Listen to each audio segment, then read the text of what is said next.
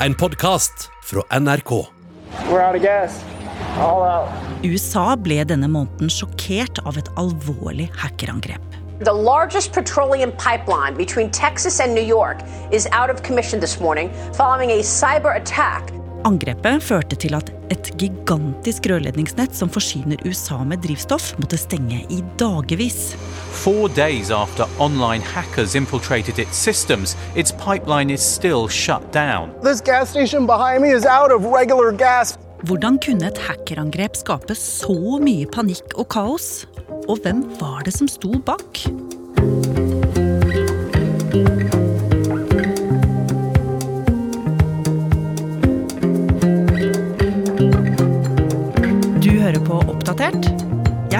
Ragna Nordenborg. En lørdag nå i mai så dukka det plutselig opp masse nyhetsmeldinger om at et svært rørledningsnett i USA var ramma av hackerangrep.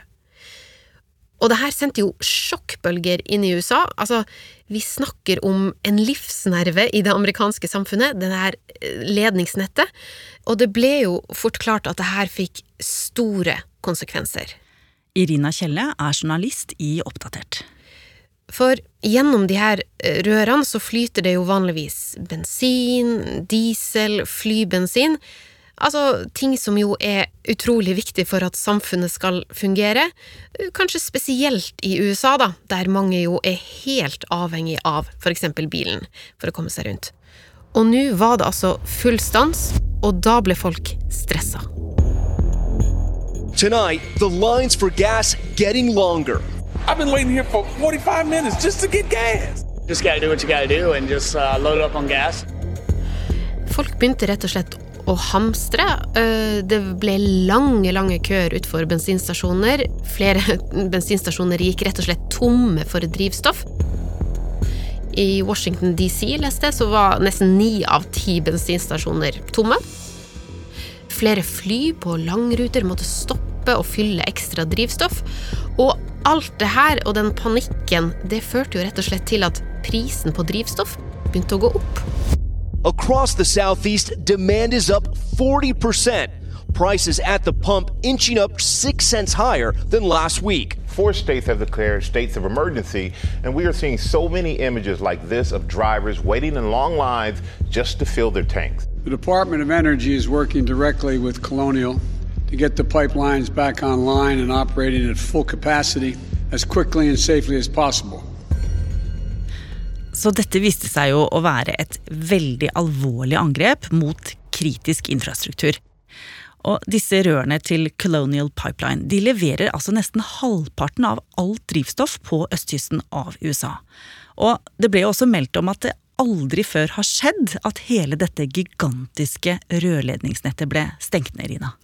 Nei, det hadde ikke skjedd før. Um, og jeg må jo bare innrømme at jeg syns det var litt skremmende å se alle de her lange bensinstasjonkøer og eh, bensinstasjoner som sa 'nå er vi tomme, dere kan ikke komme og kjøpe mer'. Eh, det var litt sånn ubehagelig, rett og slett. Og jeg lurte på hvordan i alle dager kan hackere klare å ta seg inn i så kritisk infrastruktur? Altså, hva hadde egentlig skjedd? Og hva var det selskapet fortalte? Jo, de sa at fredag 7. mai så gikk alarmen i Colonial Pipeline.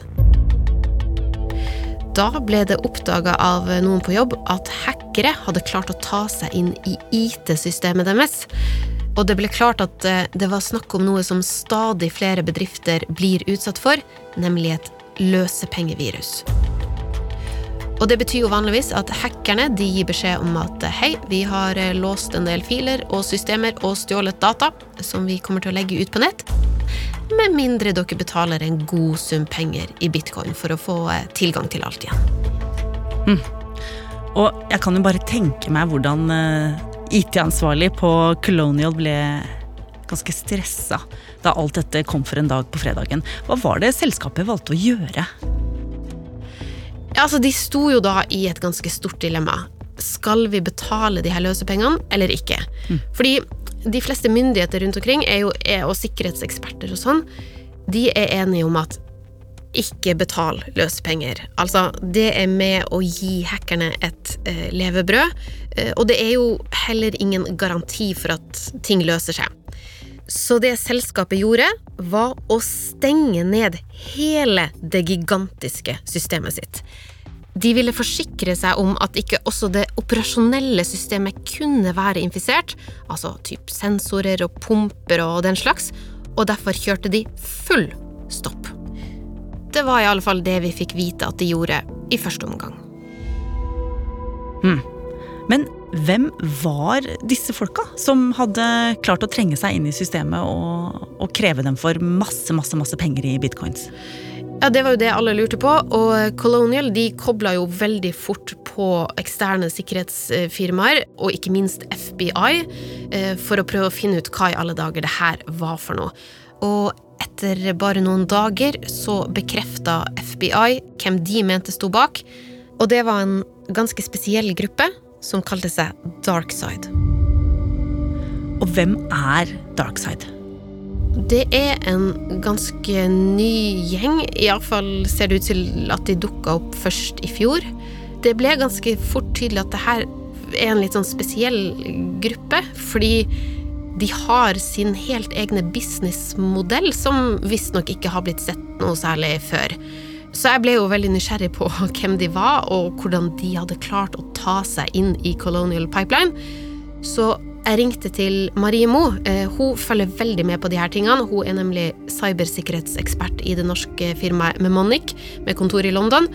Og noe av det første jeg måtte spørre om, var jo bare altså, hvor i alle dager holder de her folkene til? Det man vet, er at eh, de selger tjenestene sine på uh, russisktalende såkalt undergrunnsforum, eller hackerforum. Eh, så man vet i hvert fall at det er russisktalende. Så det ser ut som de enten helt i Russland eller et sted hvor man eh, snakker russisk. Ja, Men betyr det at eh, den russiske stat har noe med saken å gjøre? I tilfellet her så er det ikke blitt knytta direkte opp mot uh, russisk stat som, som de som står bak. Uh, det er knytta mot cyberkriminelle, som det ser ut som kan operere ut fra Russland. Og det Marie Mo sier om akkurat hvordan denne gjengen opererer, det er ganske interessant. Darkside de har rett og slett laga en eh, skadevare som de tilbyr å selge til andre cyberkriminelle, som da kan bruke den til å infisere ofre og presse de for penger. Og de kaller det ransomware as a service. Eh, de har en, ja, kall det en slags abonnementstjeneste med en nettside. Eh, og Darkside de får jo da en ganske god slump av de pengene som hackerne da eh, klarer å presse en bedrift for.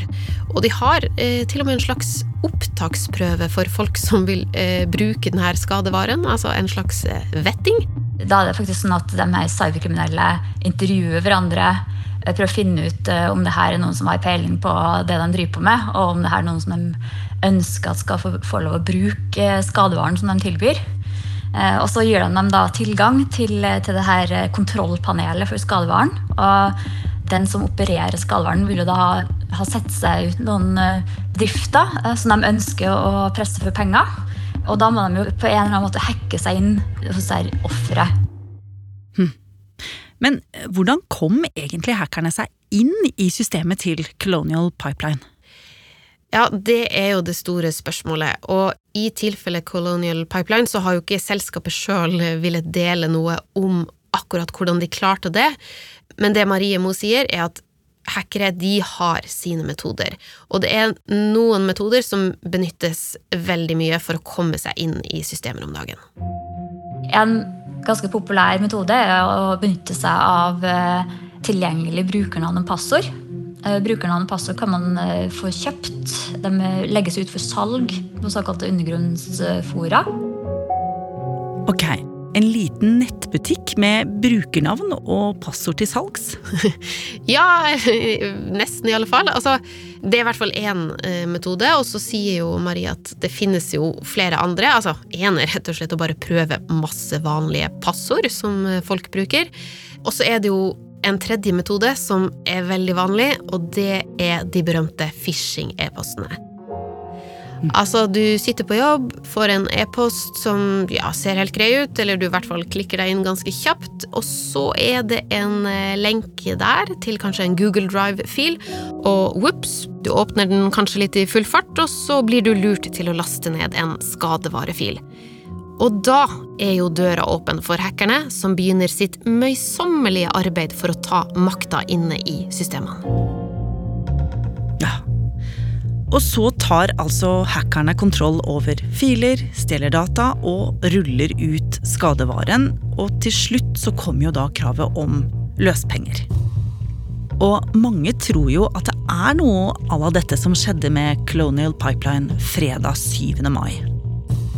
Og det som skjedde den dagen, det førte altså til at selskapet stengte denne viktige forsyningslinja av drivstoff og det var jo da folk hørte om det, at det brøt ut panikk, og at folk begynte å hamstre, og at frykten begynte å spre seg i befolkningen og hos myndighetene. Til og med president Joe Biden fikk daglige oppdateringer i Det hvite hus. Og først etter seks kritiske dager ordna det seg. Colonial Pipeline says it's fully back online after a ransomware attack crippled the 5,500 mile supply route for several days. At the president's direction, the entire federal government mobilized to respond to this crisis. Gasoline is now flowing through their system and eventually to gas stations up and down the East Coast and across the Southeast. That is good news. Og samme dag som pumpene åpna igjen, så kom det interessante nyheter, Irina. Ja, for vi hadde jo fått inntrykk av at Colonial de hadde ikke betalt noen løsepenger. Men så kom det ny informasjon. NBC News has learned Colonial Pipeline paid nearly 5 million in ransom. And tonight we are learning that a ransom was paid to get that gas flowing again. Og etter hvert så bekrefta jo selskapet det her sjøl også, at ja, vi betalte løsepenger toppsjefen i Colonial Pipeline, Joseph Blount, han sa til avisa Wall Street Journal at uh, han skjønner at det valget var høyst kontroversielt, og han innrømmer at han uh, var ikke helt bekvem med å sende penger til slike folk. Mm. Og det som er litt spesielt, er jo at etter at de betalte, så fikk jo da uh, selskapet et dekrypteringsverktøy fra hackerne for å ordne opp i saken. Men det tok jo likevel seks dager fra de betalte, til de åpna igjen. Og det tyder jo på at det tok sin tid å få alle systemene opp og stå igjen. Men Irina, historien slutter jo ikke her. For det litt pussige var jo at midt oppi alt dette her, så kom det et slags statement fra Darkside. Altså, De kommenterte ikke direkte hendelsen eller sa at de hadde skylda, men de skrev at de ikke hadde som mål å ramme samfunnet, og at de bare var ute etter å tjene penger. Og at eh, nå skulle Darkside faktisk trekke seg tilbake etter det som hadde skjedd, og etter hvert så ble jo også sidene deres faktisk tatt ned. Så det kan jo virke som om de ble tatt litt på senga av alt dette oppstyret. Men kan vi tro på dem at dette er nå over? At Darkside er historie? Jeg har jo snakka med flere cybereksperter de siste dagene, og de sier at mm, jeg ville kanskje ikke liksom stolt 100% på en kriminell gruppe når de sier at ja, vi skal slutte med det vi gjør. Altså her er det jo veldig, veldig mye penger å tjene for eh, den bransjen. Og uansett, da, om Darkside, eh, om akkurat den gjengen trekker seg tilbake, så kan det jo hende at det er andre som står klare. Ja, for mye tyder jo på at dette her, dette vil bare skje igjen og igjen. Ja, og det her er jo faktisk en av de store truslene som myndighetene advarer mot. Og vi har jo bare sett stadig flere og flere sånne løspengevirus og hackersaker de siste årene. Og jeg tenkte, altså Ok, er det her framtida vår? Det, kommer det her til å skje igjen og igjen? Så til slutt så måtte jeg bare ringe han som har ansvaret for å følge ekstra nøye med på det her i Norge, nemlig Roar Thon, som er fagdirektør i Nasjonal sikkerhetsmyndighet. Roar Thon, det som skjedde i USA, kan det skje her i Norge? Ja, det vil jeg absolutt si. Uten at vi skal sammenligne eh, både systemer og hvordan forsyningslinjer osv. er satt opp. Men at eh, tilgjengelighet til viktige ting kan bli kutta gjennom digitale angrep, det er det liten tvil om. Det som kan bli ramma, kan være alt fra vannforsyning, strøm eh, og i dette tilfellet, som vi ser her, drivstoff. Ja, og det Roar Thon sa, var at akkurat nå så sitter det mennesker eh, rundt omkring i verden og prøver å komme seg inn i systemene våre. Altså, det skjer hver eneste dag. Ja, helt klart. Uh, og dette skjer verden rundt. Dette er altså Virksomheter i sag som er til stede på, på internett, uh, må forvente at noen kommer og banker på døra deres uh, både én og flere ganger i løpet av en dag for å se om det eksisterer sårbarheter og muligheter for å kunne komme innenfor og sånn sett gjøre en rekke forskjellige ting som vi absolutt ikke ønsker skal skje. Ja. Det er jo ganske ekkelt å tenke på. Men da må man faktisk huske på at når jeg sier det på den måten, så er det faktisk veldig mange av sikkerhetstiltakene som fungerer.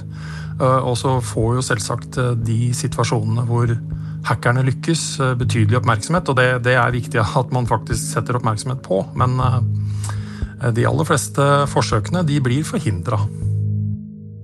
Så det er heldigvis ganske mange der ute som har som jobb å, å passe på oss. Ja, heldigvis så er det det. Men det er jo greit å huske på det, da. At vi bør kanskje være forberedt på at det her kommer til å skje igjen og igjen.